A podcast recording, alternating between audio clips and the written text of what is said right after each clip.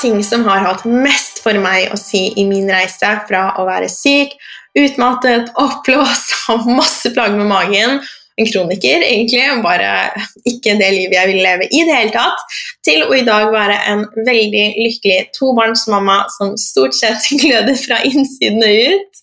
Og det er å spise for tarmen. Nedi tarmen din så bor det millioner av bakterier som påvirker hver eneste celle i kroppen din. Og det skal vi snakke om nå.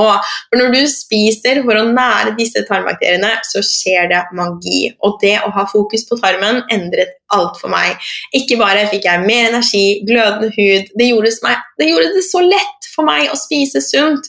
Fordi tarmen din påvirker alt. Så bort med alle forskjellige dietter, restriksjoner, det å skulle leve perfekt, det å tenke på hva er bra mat for hormonene mine, hva er bra mat for hjernen min, hva er bra mat for huden min, og over til å ha det ene fokuset. Så la oss gjøre det enkelt sammen. Gå inn på heleneragnhild.no foredrag, hold av din plass i dag. Det er gratis, og jeg gleder meg til å se akkurat deg. Hei og velkommen, kjære, fine du. I dag så hadde jeg lyst til å ta en prat om egentlig ikke bare min historie, fordi min historie er kanskje ikke så interessant for deg, det handler om meg, men de tingene som har hjulpet meg på min reise, som jeg har sett i ettertid kan hjelpe så ufattelig mange flere. Og det er jo veldig lett å bli opphengt i på en måte alt vi skal gjøre, og alle de små tingene, og føle at vi må leve helt perfekt. Men jeg har faktisk funnet at jeg måtte gjøre det motsatte for å komme helt i mål eh, og få energien min tilbake og virkelig få kroppen i balanse, sånn at jeg kunne leve et liv som ikke er basert på min dagsform hver dag. Jeg vet at det er så ufattelig mange av oss som lever sånn, som går og hver dag kjenner etter liksom, hvordan føler jeg meg i dag, når jeg er sliten. Så mange flere blir utbrent, så mange flere blir uføretrygdet om dagen. Så det er en skremmende utvikling, samtidig som helsesystemet vårt er i, under stort press. Så um, mange føler at de ikke får hjelpen de trenger. Og ja, systemet bør endre seg, absolutt. Ja, vi burde tenke på en helt annen måte rundt helse. Men jeg mener jo veldig sterkt fra hjertet at vi har ikke tid, du og jeg, til å vente på at systemet skal endres til at vi skal få det bedre. Det er så viktig at du selv ser hva du kan gjøre. Og det er så brutalt å høre at du sitter i førersetet, at det er du som kan påvirke ditt liv.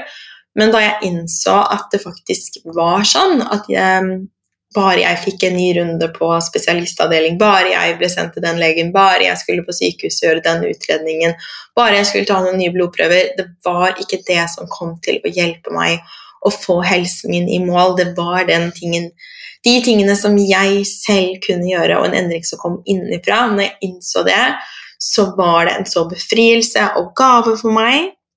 Og det endret virkelig alt i hele livet mitt. Og derfor er det også grunnsteinen, vil jeg si, i hele mitt budskap. Det handler om hva du kan gjøre. Og så er jo en stor del av det å ta ansvar for eget liv er det å be om hjelp. Så det handler ikke om at du må gjøre ting alene, men du kan ikke sitte og vente på at noen skal komme og redde deg. Kanskje du må kjøpe en ressurs, kjøpe timer hos noen, eh, kjøpe et online-kurs. Altså et eller annet som gjør at du kan tilegne deg kunnskap, få hjelp til å sortere. Uh, sånn at du kan få det bedre. Så det handler ikke om at du bare må liksom sette deg ned og finne ut alt selv, men du er faktisk nødt til å investere i den hjelpen og, og, gjøre den jobben som trengs. Og jeg har vært gjennom det, jeg er gjennom det igjen og igjen og igjen. Eh, det å komme ned i den mentaliteten og vente på at andre skal fikse, det er noe som skjer igjen og igjen og igjen i livet. Uh, og jo mer vi klarer å se vår rolle i det som skjer i vårt liv, jo mer klarer du å ta ansvar, og jo mer endring kan du gjøre, og det kjapt. Så min historie er lang, og jeg skal ikke ta deg gjennom alle detaljene. Uh, og jeg kommer ikke til å måte, snakke dybden om alt, men jeg har lyst til å snakke om de tingene som har gjort den største forskjellen for meg. Da jeg var eh, ganske ung, jeg tror rundt 15-16 år, så begynte jeg å få en ganske sånn skranglete helse. Og veldig mye bort fra skolen, jeg hadde eh, et høyt stressnivå. Jeg ble mye syk, fikk liksom infeksjoner hele tiden, var veldig mye sliten. Eh, jeg lest tilbake mine egne meldingsbøker, eller hvis mamma har gjort det, og forteller at det står liksom igjen og igjen og igjen da, at jeg er så sliten, og at det er en utfordring, og at de ikke helt vet hvordan de skal hjelpe meg. Uh, og da jeg var nesten 18 år, så toppet det seg. Uh, jeg fikk uh, mange infeksjoner på en gang. Det var mange ting som skjedde i årene opp til det her som gjorde at jeg kanskje mistet litt det fundamentet som jeg sto på, den tryggheten, mye greier i familien, og blandet sammen, tror jeg, da, med eh, noe kanskje i gener, noen ting av situasjonen der og da, og også disse infeksjonene, så endte jeg opp med en ME-diagnose. Og da jeg fikk ME, så var det rett før jeg ble 18. Og da var jeg så langt nede at det å få den diagnosen, og det vet jeg det er for mange andre når de får en diagnose, så er det blandet med en slags måte, sorg, så er det også en slags befrielse. Man kan gi slipp. Du, den der evige letingen etter hva som er gærent, det er bare det slipper man litt. Uh, og sånn var det for meg også. Men det gjorde også at jeg egentlig gikk hjem fra den timen. Jeg, fikk, um, jeg var på Ullevål hos en uh, overlege der etter et helt år med utredning, så en kjempelang prosess. Fikk ME-diagnosen og endte opp egentlig bare altså jeg fikk en brosjyre og et lykke til.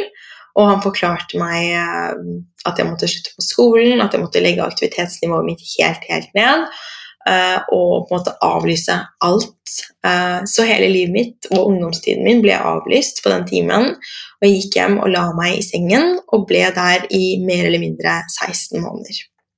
Så det er et sånt stort um, hull på en måte i mitt liv. Um, men det er også i dag det som har definert meg til å være den personen jeg er. Det som gjør at jeg er den kjæresten, mammaen, venninnen, eh, kursholderen, altså veilederen, coachen, som jeg er. Så jeg ville aldri endret på det sånn sett.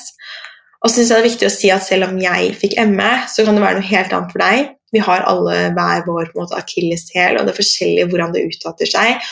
Noen får eh, altså, mer Eh, type sånn, gå mer mot en uh, fordøyelsessykdomsveien med enten Crohns eller skolitt, noen for auto, andre autoimmunsykdommer. Altså, det er så mange ting. Hormoner, som liksom, altså endometriose.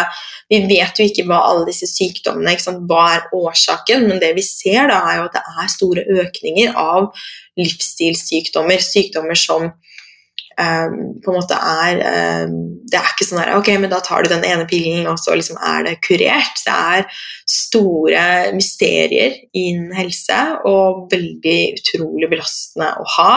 Vi ser mer um, infertilitet. Altså, det er så mye dårlig helse ute og går i Norge nå, så jeg tenker at vi er kommet dit nå at vi må se vi må begynne å forebygge, vi må begynne å gjøre de tingene som kan gjøre at kroppen vår kommer tilbake i balanse. Leve litt mer som før på mange måter. Det skal jeg komme tilbake til. Så da jeg ble syk og fikk den diagnosen til slutt, og måte kommet såpass langt i min sykdom, så ble jeg så dårlig at jeg hadde dusjkrakk hjemme. Jeg måtte velge mellom å stå opp og stelle meg og spise frokost. Hvis jeg på en måte hadde en sånn stelledag så måtte jeg, og dusje, f.eks., så måtte jeg vente med frokosten, ellers ble det for mye for meg. Eh, jeg ble kjempesliten bare å gå til toalettet. Eh, kroppen ble jo helt stiv. ikke sant? Jeg gikk veldig lite, så det knakk i hoftene når jeg gikk. Var, jeg hadde rett og slett utrolig, utrolig dårlig helse. Og, eh, og, kunne ikke være utsatt for noe type stress, ikke noe type lyd, lys. Eh, jeg kunne faktisk se litt på TV hver dag, eh, ellers så lå jeg veldig mye på et mørkt rom. Og sånn var det jo i flere år.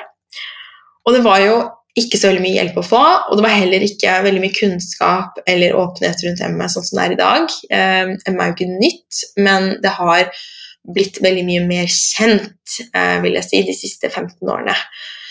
Så jeg var veldig sånn i villrede hva jeg skulle gjøre, men akkurat da og da så var jeg så syk at jeg ikke klarte å liksom se etter løsninger. Det var ikke sånn at Jeg satt og googlet hele tiden hva jeg skulle gjøre. Så når jeg ble, eh, liksom, hadde hvilt og bare på en måte avlyst hele livet en lang, lang periode, eh, så kom jeg jo dit at jeg på en måte var mer sånn stabilt dårlig. Uh, og da begynte vi mer å lete etter ok, hva skal vi gjøre for å klare å snu dette her. Og en av de første tingene som jeg fant, var ernæring. Jeg har jo ønsket å bli ernæringsfysiolog siden jeg var 14 år. Nå ble det ikke helt sånn. Jeg har en bachelor i ernæringsfysiologi. Men jeg har altså hatt denne interessen siden jeg var veldig veldig ung, og lenge før jeg ble syk. Så da det dukket opp som en ting som kunne hjelpe meg, så var det veldig naturlig for meg å kjenne at det var en riktig vei for meg å gå. Så jeg begynte hos en alternativ lege, kuttet ut veldig mange forskjellige matvarer, tok altså, sånn håndfuller av kosttilskudd. Det var så mye hadde veldig uh, En dag i dag så ser jeg at dette var et ganske sånn spesielt og litt feil fokus. Jeg fokuserte veldig på hva jeg skulle kutte ut, og ikke hva jeg skulle putte inn. Dette gjorde også at jeg skrudde opp den kontrollen rundt mat. Uh, så når måte, hele livet mitt var så hekt, liksom, ukontrollerbart og kaotisk ikke sant? Jeg sluttet på skolen, alle vennene mine er jo fortsatt på skolen jeg lurer på sant, hva skal det bli av meg, kommer jeg noen gang til å bli frisk, kommer jeg noen gang til å møte noen, få barn, er dette livet mitt nå? ikke sant? Det er veldig sånn eh, vanskelig å forholde seg til, og da er det viktig å finne noe man kan kontrollere. Og for meg så ble jo det da maten. Så det å spise på en måte minst mulig, mest mulig rent, helt perfekt, ble veldig, veldig viktig. Og dette er jo ikke det fokuset som jeg har i dag i det hele tatt. Heldigvis har jeg klart å komme meg ut av det, og det kan man også gjøre. Men jeg har vært gjennom det aller, aller meste når det gjelder ernæring. Eh, så jeg startet jo da som sa, med å kutte ut veldig mange forskjellige matvarer. Det var liksom gluten, soya, melkeprodukter, alt av sukker. Eh, det var sikkert noen, enda noen flere ting også. Og så tok jeg alle disse tilskuddene etter det så begynte jeg å lære om raw food og prøvde meg litt mer på det. Spise veldig mye grønnsaker, veldig lite kjøtt. Eh, kanskje også litt mer mot det tradisjonelle, sunne kostholdet som vi kjenner i dag, som er det norske. Som var veldig sånn eh, grove produkter og, og sånn. Eh, så kom jo lavkarbobølgen, og uh, dette gjorde at jeg prøvde alt mulig av uh, lavkarbodietter, keto og var helt på det kjøret der. Og jeg kaller det kjør fordi jeg vet at lavkarbo hjelper veldig mange. Og det er jo egentlig, akkurat sånn som jeg snakket om fast i forrige episode, så er jo liksom lavkarbo det er ikke bare én ting. Det kan være så mangt. Det kan være alt fra å spise masse ultraprosesserte lavkarboprodukter eh, til å spise veldig masse grønnsaker, eh, en del kjøtt, fisk egg og godt fett. Så det kommer helt an på hvordan du gjør det. Og noen trives godt med lavkarbo, men for meg så var ikke det noe som jeg trivdes med i lengden. Det skapte også et altfor stort stress på kroppen min å spise så snevert sammen, eh, sammen med mye annet stress.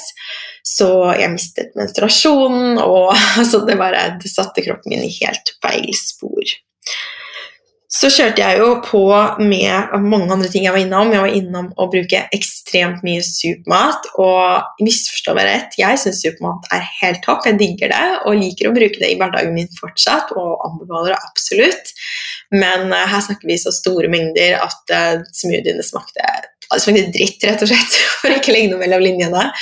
Uh, og bare, Det var liksom altfor mye fokus på at det skulle bli liksom propp kroppen min med næring. Mest sannsynlig så tisset jeg veldig mye av det ut igjen, fordi det ble bare for mye. Og ikke den måten jeg ble brukt i dag i det hele tatt.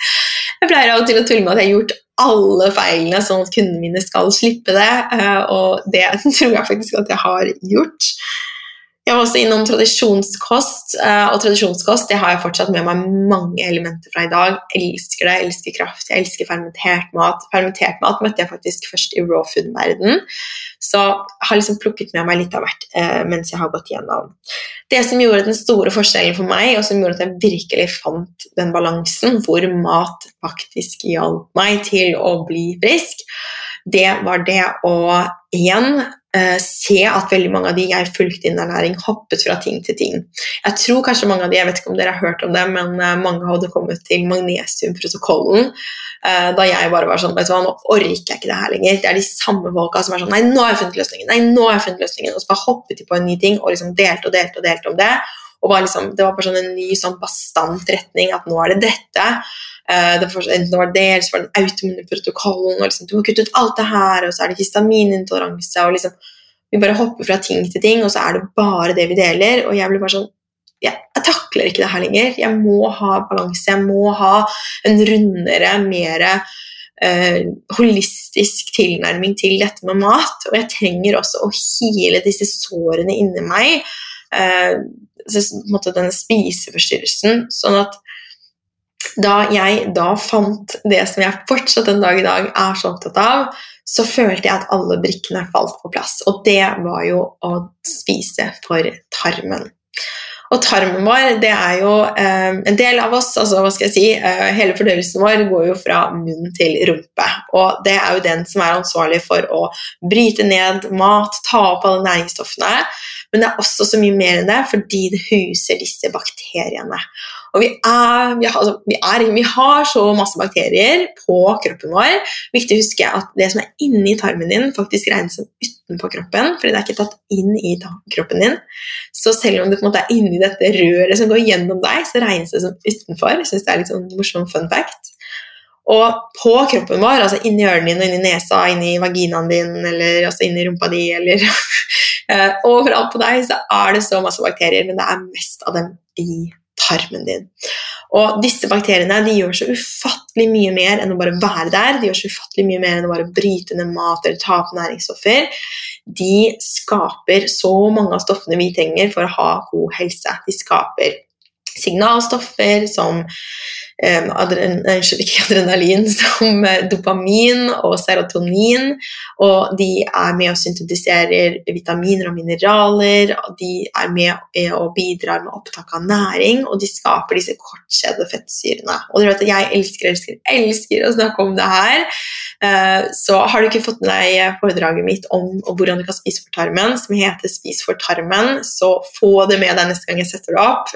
Det er verdt å få med seg. Jeg lover deg det er før og etter, at du får det fokuset. Jeg ble helt forelsket i å spise for tarmen, og det som jeg elsket mest med det, var at det handlet om variasjon, at det handlet om matglede, det handlet om farger. Og det er så mange ting som jeg elsker, som er så bra for tarmen. Og så handler det ikke om det du ikke spiser, det handler ikke om at du må kutte ut, leve perfekt, du må ikke leve på diett, men om å ha fokus på å ha mest av det som er bra for tarmen. Og så er det jo også sånn at Når tarmen har det bra, så påvirker det hjernen din, huden din, energien din, humøret ditt, altså hormonene dine. Det påvirker alt. Sånn at du kan ha dette ene fokuset. Hver gang du bygger deg et måltid, så kan du tenke på tarmen, og da vil automatisk masse andre ting som blodsukker, hormoner og sånn falle på plass. Og det syns jeg er magisk. Det gjør hverdagen og livet enklere, det gir mer glede. Og derfor så klarer jeg aldri å slutte å snakke om det. Så det å spise for tarmen var en av de absolutt viktigste brikkene i mitt liv for å virkelig få min helse på plass, og det er det den dag i dag.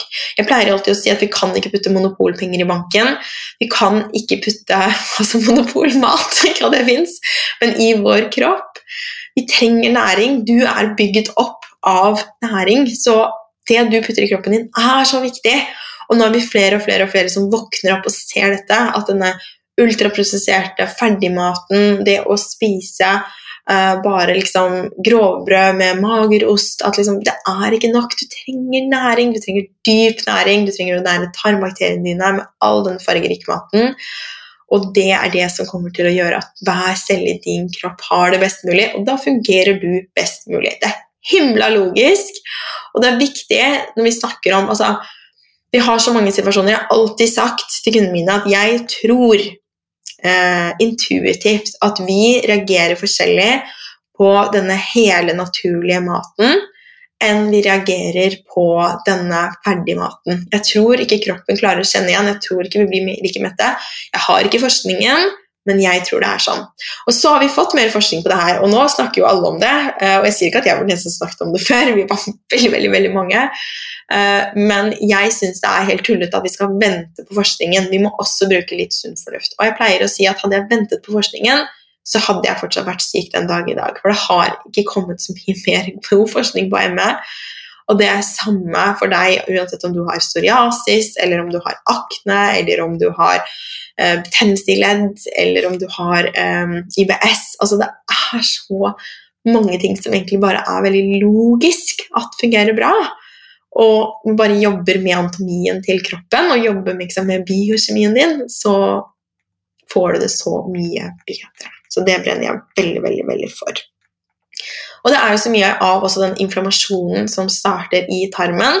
Og det påvirkes jo selvfølgelig også veldig når vi spiser for den. Så målet er jo at vi skal få ned inflammasjon, og vi skal bygge opp kroppen så den har mye å gå på, så du er robust, og du tåler en støyt, du har et godt immunforsvar. 70-80% av immunforsvaret ditt sitter jo i tarmen.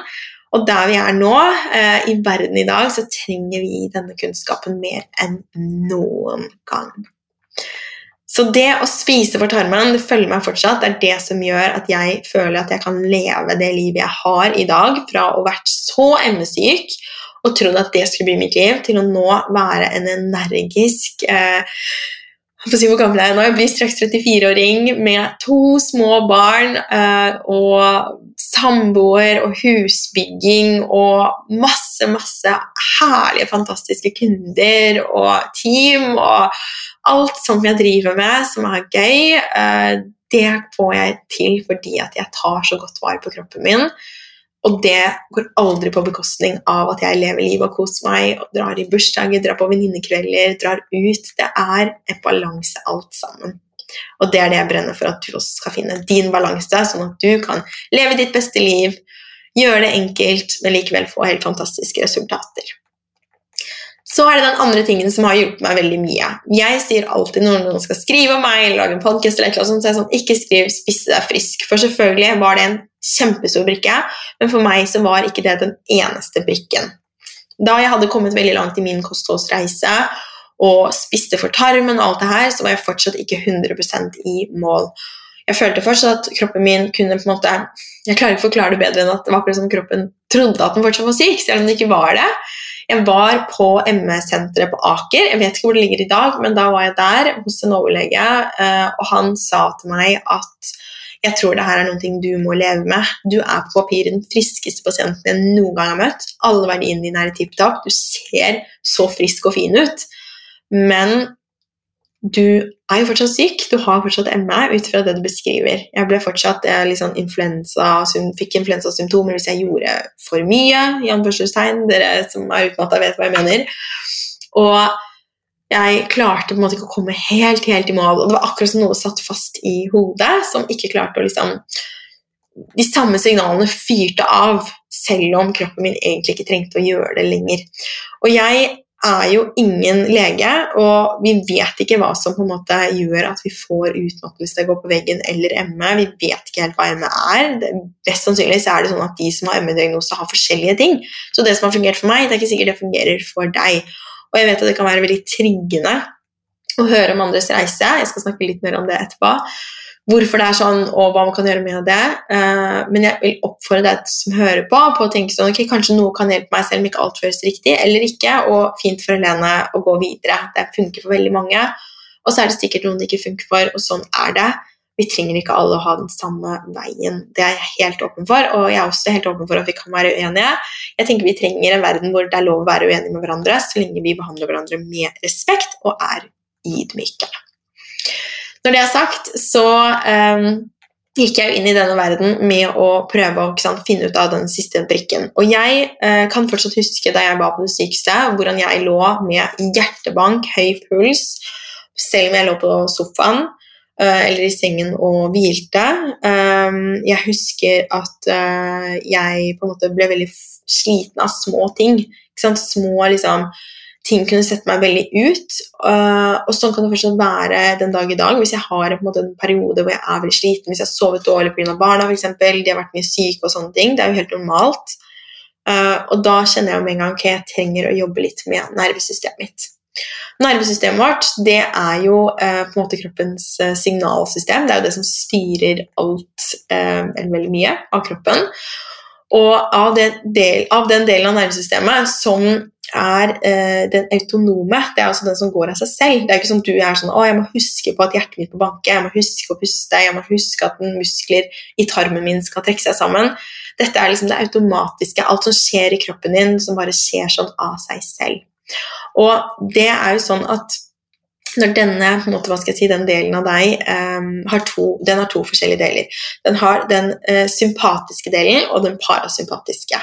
Og så er det sånn vi er på en måte en av de eh, reaksjonsmønstrene. Den sympatiske det er det som kalles for fight or flight. ikke sant? Altså frykt eller flukt.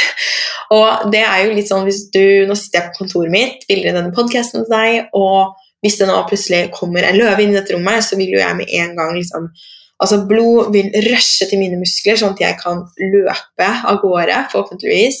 Mine sanser vil skjerpes, jeg vil ta inn mer lyd, jeg vil ta inn mer lys via øynene mine. Blod vil trekkes bort fra fordøyelsen min. Eh, det vil ikke være noe fokus på sårheling. Eh, tenke på en måte eh, Hva skal jeg si liksom Sånne komplekse tanker. Være i en samtale med noen hele meg er fokusert på uh, alarm, ikke sant. Du er i alarmberedskap. Når du er i det parasympatiske delen av det automune nervesystemet, så er du i rest and digest, så hvile- og fordøye-delen. Og her er, det, um, her er vi egentlig alltid ellers når vi ikke er i alarmberedskap. Og det er her vi skal reparere celler, det er her vi skal eh, roe ned. Ikke sant? Det er her vi fordøyer mat, så her går blodet til fordøyelsen og hjelper til med å fordøye. Og så er det jo sånn at så mange av oss er altfor mye i alarmberedskap hele tiden. Vi lever ikke sånn som vi gjorde før i tiden, hvor vi mest sannsynlig kanskje hadde Det vet vi egentlig ikke så veldig mye om, kanskje, men jeg kan jo se for meg at vi hadde mer sånn stressord, og så var vi i hvile. Og stressord, og så var vi i hvile. Sånn som det er nå, så har vi veldig mange ting som trigger oss hele tiden. Som vi kan ha f.eks. varsler på telefonen, at det plinger hele tiden på telefonen din. Og kanskje du kjenner sånn 'Å, nå får jeg en e-post, og liksom, hva skal jeg svare på den?' Å, det er det, det er det, det er det. Jeg kan kjenne noen ganger i den moderne verden at noen skal ha tak i meg hele tiden. Om det ikke er et barn, så er det en melding fra barnehagen eller en kunde, eller det er liksom venninne, eller det er Jonas som lurer på om vi skal til middag. og Ingenting av det her er ting jeg ikke vil ha. Ikke sant? jeg vil ha all den informasjonen, jeg vil være der for disse menneskene, men noen ganger så blir det bare for mye. Og jeg tror ikke vi er skapt for å være tilgjengelige hele tiden. Vi er ikke skapt for å bli stimulert den måten vi er hele tiden. Og veldig mange av oss er altfor mye i den stressige versjonen. Så min teori på det med utmattelse og ME og sånn, er at uten å på en måte putte de i samme bås og si at det er det samme, for det mener jeg virkelig ikke, men jeg tror at det er lignende mekanismer i begge. Eh, det er det med at vi er på en måte nesten som vi har hengt oss opp i alarmberedskap. Sånn at vi på en måte er hele tiden da i en sånn derre Nå skjer det ting. Du er veldig mottagelig for lyd, for lys, for stress. Eh, du fordøyer dårlig. Ekstremt mange som har ME eller utmattelse, har også IBS. Og så er det jo vanskelig å vite hvem av de som påvirker. Litt sånn høna og egget, ikke sant? hvem som kom først. Men disse to tingene henger tett sammen. Så det vi ser da, er jo det at uh, jeg hjelper Altså, jeg, jeg fikk veldig stor hjelp av å jobbe med å komme mer over i mitt parasympatiske nervesystem. Altså det å rett og slett skru ned stress og jobbe aktivt med å komme inn i hvile. Og da snakker jeg ikke om å hvile sånn, ligge på sofaen og scrolle mens du ser på Farmen kjendis. Jeg snakker om det å um, virkelig på en måte hvile på sånn cellenivå, kaller jeg det. Hvile på cellenivå. Så du kommer sånn ordentlig ned, du blir liksom restored uh, i kroppen din.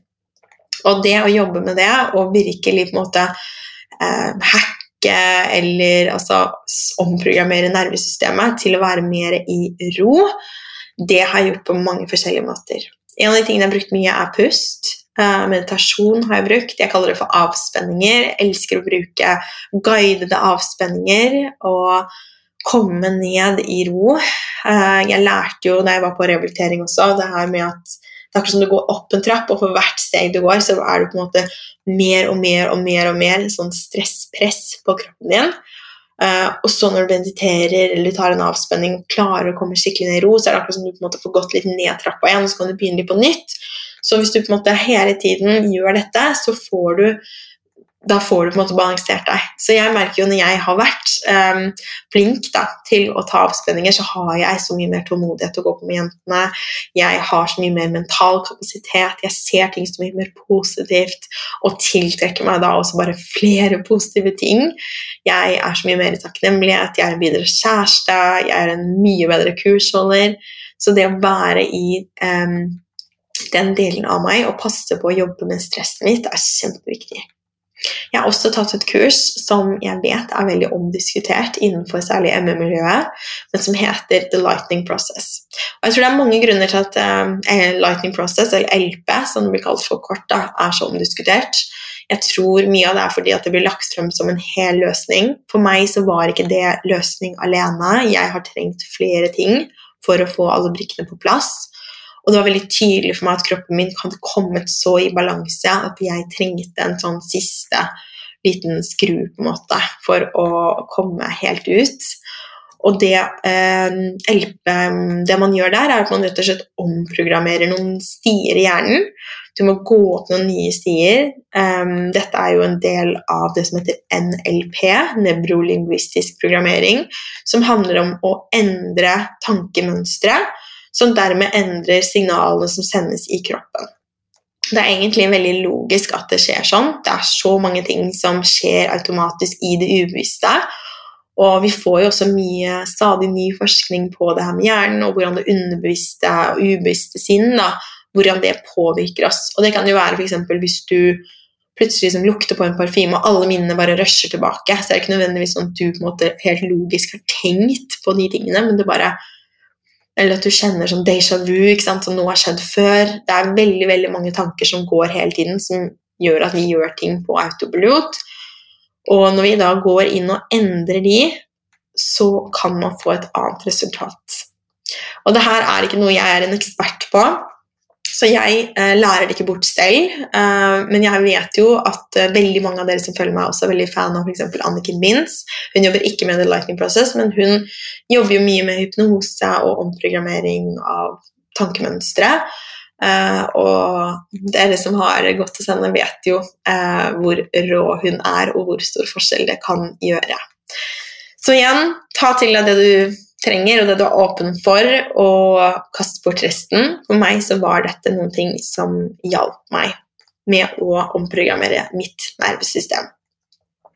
Så er det jo eh, den tingen som på en måte har fortsatt denne reisen. Og det er egentlig det jeg i dag kaller glødende kosthold. Den på en måte hele pakka av hvordan jeg lever for å hele tiden ha mest mulig energi, føle meg mest mulig i balanse og, ja, og gløde innenfra og ut. Da jeg skulle ha et navn på min på måte, metode, så hadde jeg ikke lyst til å ha sånn herre eh, liksom sånn slank på 1, 2, 3, eller sånn eh, grønn mat, liksom, eller sånn sunn kost, liksom, aktig sånn type sånn sunn og mat og liksom alt sånt der. Jeg var sånn Jeg vil ha noe som hva skal jeg si, jeg liksom, jeg bare, Hva er essensen? Og så er det den der, det er den gløden som folk sier at de får beskjed om at de har fått. Og bare Hva har du gjort? Du bare gløder. Og det kommer når man både tar vare på seg selv ernæringsmessig, på cellenivå, mentalt, men også har den egenkjærligheten som gjør at du stråler innenfra og ut, det som gjør at du har det så bra, at du har noe å gi til omverdenen. Jeg mener jo at vårt Altså virkelig Jeg mener at vårt, uh, vår mening med livet er å bidra i denne verden, og jeg tror at vi bidrar på best mulig måte når vi selv er i balanse, og at det vi bidrar med, er godt. Vi ser jo på en måte på nettroll og det liksom samfunnet som er i dag, at det er mange mennesker som lirer av seg ting, og at jeg tror det kommer fra et vondt sted inni igjen. Uh, noen sier at det er liksom hersketeknikk å si det til andre, at liksom, du må ha det vondt når du sier sånne ting, men jeg tror virkelig at når du oppsøker fremmede mennesker og skriver så vonde ting til andre, så kan du bare umulig ha det godt selv. Og dette handler jo veldig mye om det å bli trigget. Så den emosjonelle biten av å balansere nervesystemet og den egenkjærligheten har også vært en stor del av min reise. Og det har jo vært en sånn selvutvikling, da som eh, er så utrolig sånn cheesy ord, men som er så viktig, og som man blir så hekta på. For når du begynner med det her, så gjør det rett og slett at du klarer å leve på en helt annen måte. Det er så mange ting som bare preller av som vann på gåsa, og du merker at du bare har det bare så mye bedre inni deg. Og det å, å, jobbe med dette har vært en kjempegave for meg i mitt liv, og jeg er så takknemlig for at jeg har fått lov til å gå igjennom alle de fasene jeg har før jeg selv ble mamma. Jeg føler meg så mye bedre rustet nå til den reisen med å oppdra små mennesker, eh, og det handler veldig mye om å se hva på en måte du kan selv gjøre i en situasjon for å få det bedre. Det handler om å sette grenser og så på en måte se hva som er ditt, og hva som ikke er ditt, hva som er andres. Og hva som du kan på en måte bare la fare uten å måtte ta inn. Det er så mange ting som skjer eh, rundt oss som egentlig ikke handler om oss. Den stygge kommentaren eller meldingen som du får på Instagram, eller en kommentar fra en kollega. Altså, det er så mange som har liksom, det, det, handler ikke om deg. Og når mer du jobber med det og eh, legger det bort, eh, jo mer du tar oppgjør med ting som har skjedd i fortiden din, jo mer du klarer å jobbe med å gi slipp på kontroll, på at du skal styre alt, for det kan vi jo ikke. Det er jo sånn i livet at det er så mange ting vi ikke kan kontrollere. Vi må bare prøve å kontrollere det vi selv kan. Og det å øh, gi slipp og ha den tilliten til prosessen. Jobbe med manifestering, som egentlig bare er å på en måte rense unna og åpne opp for alt det gode. Og være tydelig på hva du vil, hva er det som gjør deg glad, hva er det som gir deg mening. Bare det i seg selv vil kunne trigge andre. Det er warning. Bare liksom, å legge ut om hvor bra du har det, eller Uh, at liksom, ja, dette er jobben min, eller ikke sant, her er, her er glønne kosthold, kan, nå kan du melde deg på. Liksom, det trigger andre. Det vil Alt du gjør, kan trigge andre, men det har ingenting med deg å gjøre. Så det å jobbe med den prosessen, uh, sammen med maten, sammen med bevegelse, sammen med god søvn, i den grad det er mulig med små barn, men anbefaler jeg absolutt deg om du har noen mulighet til det. Det er alle små brikker store brikker som har gjort at jeg i dag sitter her nå, er frisk og kan leve det livet jeg lever i dag. Jeg vet at det hadde vært mer catchy om jeg bare hadde sagt at jeg spiste meg frisk, og at det er så enkelt å bare gjøre dette og følge akkurat denne planen, så lover jeg deg du får det samme. Men da hadde jeg vært en person som jeg selv ikke hadde anbefalt å følge. Fordi den bastantheten, den der 'det er en løsning for alle', den mangel på holistisk syn av deg som et helt menneske, det er noen ting som jeg er så sterkt imot. Um, jeg kunne aldri um, med ærlighet som min toppverdi sittet her og sagt at uh, det var så enkelt som å bare endre litt på maten du spiser, og poff, så vil du bli helt frisk. Det hadde vært helt uetisk av meg å sitte og si det. Jeg vet at alle kan få det bedre.